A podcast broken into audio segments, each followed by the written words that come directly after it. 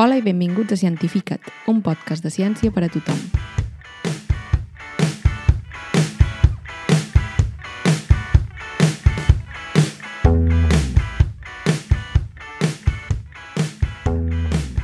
A la primera part d'aquest episodi vam parlar de dos aspectes de l'avantprojecte de llei de ciència de Catalunya.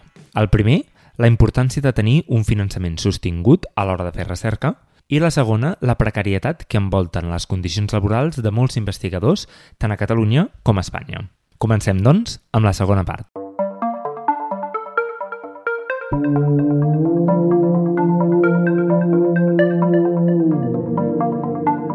Doncs ara m'agradaria canviar aquest és una mica un canvi bastant radical d'ara del que hem estat parlant de, de finançament, de condicions laborals, i és que una de les finalitats d'aquesta llei és que el govern de la Generalitat promogui la integració i transversalitat en la presència equilibrada d'investigadors i investigadores en polítiques públiques relatives al coneixement. És a dir, eh, hi ha una mena de compromís per una recerca inclusiva i transformadora des de la perspectiva de gènere, discapacitat i de transformació social. Eh, hi ha altres mencions sobre aquest equilibri entre investigadors i investigadors investigadores, alhora, per exemple, amb processos de formació, consolidació, captació, retorn i retenció de talent. I també una igualtat efectiva en temes d'oportunitats, no? en contractació, per exemple. I en molts dels articles que he llegit sobre aquesta llei, que, no, que, que molts uh, diaris i altres medis de comunicació han, han parlat, és que aquesta part ha passat bastant desapercebuda. Uh, però crec que és prou important de parlar-ne perquè molta gent crec que té aquesta idea de que la gent uh, o de que la ciència passa en, en llocs fora de doncs, masclisme, racisme, però que són temes molt reals al món científic. No? I per posar-ho una mica en perspectiva, uh, sabem que les dones representen el 53% de graduats en graus i màsters. Aquesta paritat disminueix a, a nivell de doctorat, on només el 43% són dones, i encara més a nivell de postgrau, on només el 28% dels llocs de recerca estan ocupats per dones. Aquesta bretxa de gènere es nota més al nivell sènior, amb una menor representació de dones en llocs de lideratge i, en conseqüència, de, en la presa de decisions i polítiques. Aleshores, quan mirem el sistema acadèmic espanyol, la representació de les dones és gairebé idèntica a la resta de la Unió Europea, a un 41%, i només a un 21% dels càrrecs a Espanya, també molt semblant a aquest percentatge a la Unió Europea. I també per posar-ho una mica en perspectiva, s'han fet molts estudis sobre això i se sap que hi ha percepcions de gènere que poden influir en aquest, no? en aquest ascens de dones a càrrecs superiors. Les dones es perceben com a pitjors líders científiques, estan estereotipitzades perquè no posseixen segons es diu, aquest talent innat que requereix en alguns camps i es pot explicar això, aquests estereotips podrien explicar per què les dones reben nivells similars de finançament per a investigació quan són jutjades per qualitat de la investigació, però menys quan es jutja per l'excel·lència de l'investigador. Són freqüentment menys convidades a conferències, menys propenses a ser seleccionades per premis científics, menys representades en consells editorials i el seu treball és menys probable que se citi i també tenen menys possibilitats de ser convidades a participar en revisió per parells. Aleshores, m'ha cridat molt l'atenció no, aquest punt que sortia a l'avantprojecte de llei sobre aquesta no, paritat o igualtat de gènere al món científic i aleshores m'agradaria, sobretot, Núria i Esther, que diguéssiu què penseu no, d'això i, i potser a la gent que ens escolta saber no, quina és la realitat que passa a la ciència, però també si només cal promoure o si realment calen mesures més concretes i també un canvi eh, cultural dins el món acadèmic. Jo crec que aquest viatge el veiem molt a tot arreu. Um, sí que és veritat que de les carreres científiques n'acaben més dones que homes, no? i que els, els llocs més alts doncs, els ocupen homes, però sí que també haig d'explicar que jo als instituts on he treballat no ho he vist així. Eh, no ho he vist així perquè a París, per exemple, a la meva unitat, doncs els, els PIs, els investigadors principals, eren tant homes com dones, i a la unitat on estic ara mateix, a Oxford, són tot dones. Uh, amb la qual és, una, és, un, és, un, és estrany perquè no normalment és així però, però jo des d'on estic doncs no m'he trobat tant amb aquest problema no? sí que és veritat que, que és això que els llocs més de poder no? doncs hi arriben els homes crec que és, crec que és eh, estructural eh, de la societat uh, crec que per, per millorar això en ciència doncs s'hauria doncs, d'avaluar només el treball científic, però sí que és veritat que el treball científic també està esbiaixat per eh, les possibles barreres de, en qüestió de gènere que et puguis trobar, no? És a dir, com, com algú pot percebre el teu article, com algú pot jutjar i pot acabar en una, en una revista més bona o més dolenta, no? Segons uh, això. bueno, jo crec que cada vegada ho estem veient menys. Crec que és important reforçar que això no passi, però bueno, crec que és, és complicat, no, no, no sabria donar quina és la solució eh, perquè això no, no succeeixi, no? jo crec que el fet de que les dones cada vegada estiguem més empoderades i, i, i això es parli, també disminueix molt aquesta visió que deies, no? de que una dona potser està menys... No, no ho entes massa, això d'innat. Eh, bueno, jo no m'hi he vist mai que no estigués, però veig que ara doncs, es, crec que és molt important, sobretot potser s'hauria de promoure el tema rols. O sigui, el tema que hi hagi algú que pugui, no? I crec que ara des de les televisions i així sí que s'està intentant trobar doncs, més expertes, uh, més dones que siguin expertes en, en diferents temes, que puguin donar la seva opinió.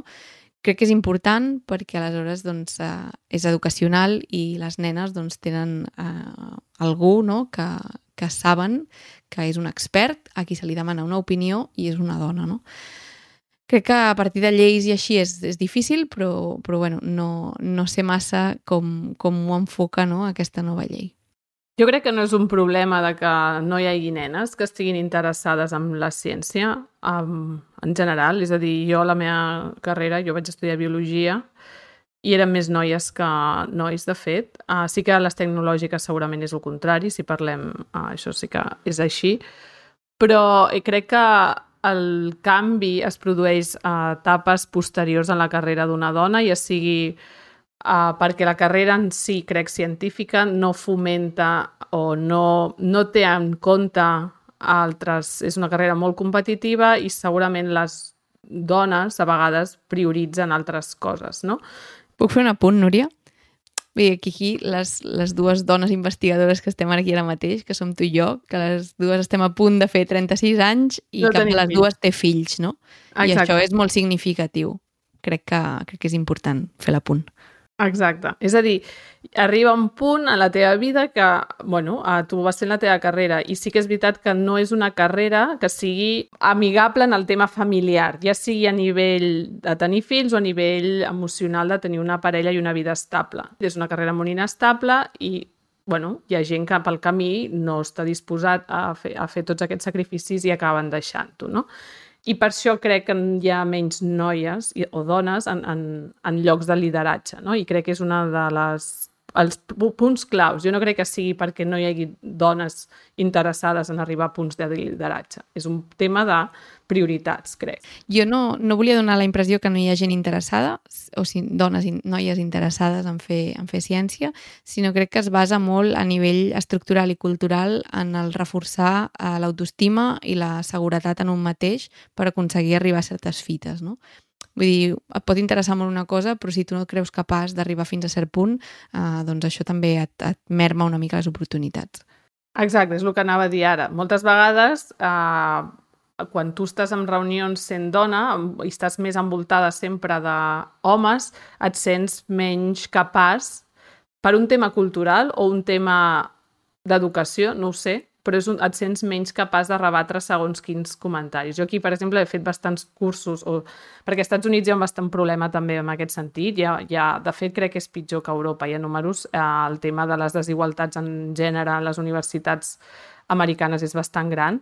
Llavors estan intentant millorar-ho bastant i bueno, s'intenten fer cursos d'empoderament de la dona i això. Aleshores, jo he estat en cursos d'aquests i tot el que diuen a, et sents reflexada, no? De dir, bueno, és que jo he anat a, a, a congressos i, ai, mira, en lloc de dir-te, tu, per exemple, pel teu nom o doctora Núria Coll Bonfila, tu et diuen, escolta, nena, uh, això que m'has dit és veritat, on t'ho has fet? No, el, el, aquest rol de sentir-te com que et veuen jove uh, o més dona i, i amb aquesta doble no sé com dir-ho, no? De, de, que et sents fora del lloc, no? Um, I això està ben estudiat i és una cosa que passa en el tema de les dones, no? Crec que és més un tema de creure's la, aquesta possibilitat de tu arribar més lluny que no un problema de uh, que no hi ha prous noies que es dediquin a estudiar. Vull dir, això jo crec que tot sabem que existen, les dones estudien el que volen avui en dia, jo tinc amigues també enginyeres i no passa res, però sí que és difícil arribar a, a llocs de, de lideratge en aquest sentit cultural i més, més així. També crec que ajudaria, per exemple, moltes beques que se, que se sol·liciten són amb un temps determinat. No? Tens una beca de dos anys, és una beca de tres anys. Si tu durant aquest temps, per exemple, eh, et quedes embarassada, ajudaria que aquest temps que tu has estat de baixa te'l poguessis allargar d'alguna manera per davant o per darrere. A nivell de mesures, doncs, el millor és això, eh, facilitar facilitar que hi hagi un, una discriminació positiva no? per, per les dones i sobretot si s'han tingut fills o, o depèn de què s'ha fet, no? Perquè encara que aquesta igualtat es promogui eh, basada només en la, en la qualitat acadèmica, la qualitat acadèmica es veu afectada també quan tu, quan tu tens un fill, no rendeixes igual i no te'n vas a la mateixa hora del laboratori que, que, que si no, no? Aleshores és molt difícil, jo crec, de, de jutjar. I, és complicat. És complicat, però sí que és veritat que és, és més habitual que una dona doncs, acabi triant una feina més fàcil, no? I més fàcil a nivell de, de conciliació que no, que no la ciència. I doncs, mira, doncs, si t'acabes anant a una empresa privada, per exemple, en ciència, um, fas el teu horari, te'n vas a casa i ja està, no? Quan, quan els, els que estem fent investigació acadèmica doncs eh, moltes vegades doncs, treballes moltíssimes més hores i els caps de setmana i doncs això no és fàcil de gestionar.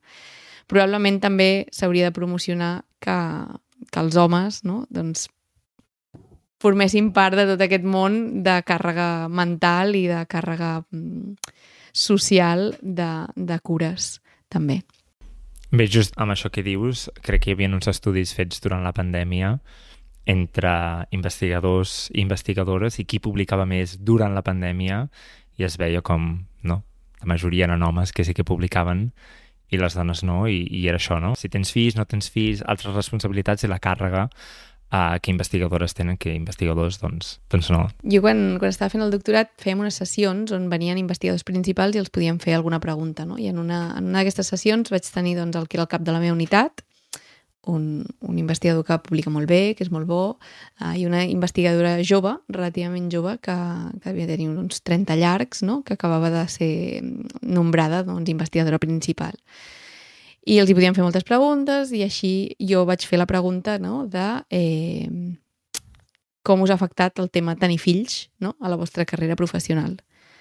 Doncs l'home, que molt, molt exitós, no? molt d'això, em va contestar, jo tinc tres fills, però he tingut la sort que la meva dona se n'ha fet càrrec. Així de sincer, així de directe. Uh, quan li va tocar a ella, va contestar, jo no tinc temps per aquestes coses. És a dir, ella no tenia família, perquè no tenia temps per aquestes coses, perquè havia arribat al mateix lloc on ell, que ell va contestar així de directe, la meva dona se n'ha fet càrrec, no? Jo no m'he fet càrrec dels meus fills. Uh, bueno, va ser bastant fàcil d'entendre, no? Eh, com funciona. Vull dir, és així. I, i malauradament doncs, això és el que hauríem d'evitar. Jo, les, jo els casos que conec també de dones que han arribat lluny en la carrera investigadora i en, pos, en posicions de lideratge és perquè han tingut molt suport del, del seu, la seva parella masculina, no? que ha sigut ell el que s'ha quedat a casa amb els nens i no ella. Uh, aleshores, és una mica aquesta dualitat sempre, no? si tens algú que et recolza o no, perquè al final la carrera investigadora és molt competitiva i requereix moltes hores. Llavors, per això. Volia afegir a, a aquest punt al debat perquè crec que són problemes que passen no, al món científic i crec que certa gent, certs investigadors fins i tot volen evitar parlar-ne del tema, no? però crec que, com has dit, Esther, hi ha molta... Crec que ara, últimament, i aquests últims anys s'està parlant molt i crec que ha d'haver un canvi cultural, no?, també dins del món acadèmic per, per canviar aquestes coses, no només certes lleis. Però bé, volia acabar aquest punt, no?, i, i aquest, aquest episodi, acabant dient que aquesta llei és un primer pas, no?, per, per consolidar la ciència com a motor de país, però m'agradaria que acabéssim amb alguna no, reflexió sobre què us agradaria veure passar a Catalunya en temes de recerca que potser no haguéssim dit encara, si us plantejaríeu tornar si la cosa canvia no? uh, molt dràsticament i també si creieu no? si teniu esperança per aquests canvis o, o aquestes coses ja s'han dit durant molt de temps i hem vist que no han canviat gaire? A mi aquesta llei em sona una mica falses promeses, diré. A mi el canvi que m'agradaria veure és l'estructura d'una carrera investigadora. És a dir, que hi haguessin diferents etapes en la que hi haguessin diferents oposicions, com vulguis dir-li, exàmens o, o, o, o proves davant d'un tribunal, en el que tu poguessis anar adquirint uns certs nivells que t'anessin facilitant el teu progrés fins a investigador principal. Això no existeix, Uh, no crec que estigui en aquesta llei i crec que és un, és, ha sigut una, perdre una gran oportunitat per eh, tenir una estructura de, de carrera investigadora que no tenim i crec que ens fa molta falta. Jo crec que això és el gran, el gran forat que falta uh, perquè, perquè puguem tenir, perquè puguem desenvolupar bé, no? És una cosa que dona estabilitat, és una cosa que, que fa un finançament sostingut també, perquè aquestes exposicions doncs, estan finançades, um, uns contractes fixes, no? que cada, cadascuna tindria el seu nivell.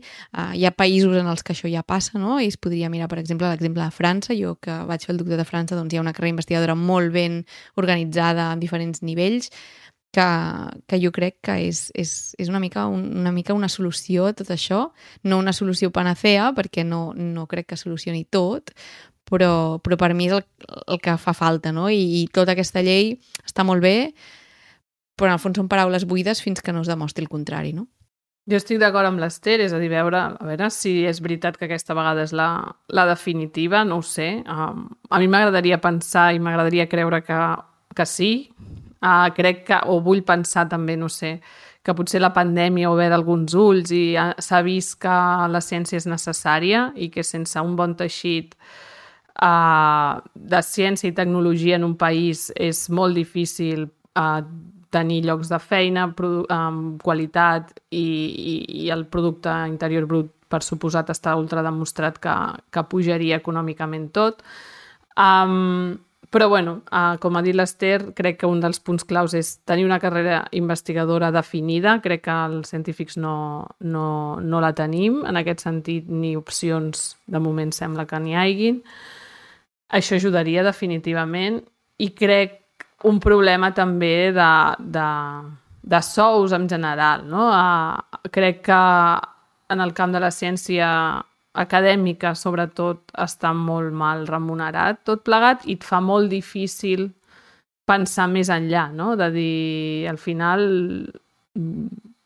per tornar i, i, i, i ser una persona tan formada amb uns doctorats, amb, amb estades fora, amb idiomes, per tenir una mala remuneració i, i, i no veus no? Un, un, un futur en aquest sentit és molt difícil plantejar-se una tornada, no?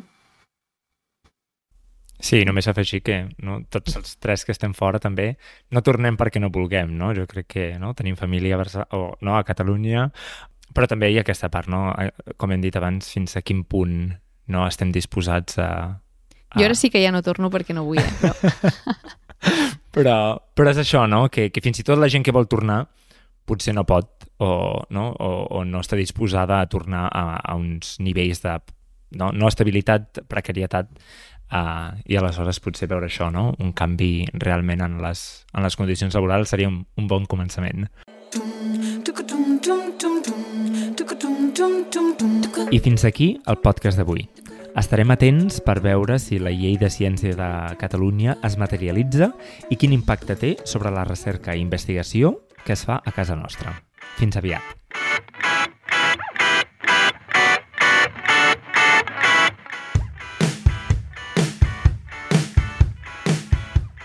Si voleu saber més sobre nosaltres, seguiu-nos a les nostres xarxes socials i si hi ha algun tema que us agradaria que tractéssim, no dubteu a escriure'ns a podcast.cientificat.gmail.com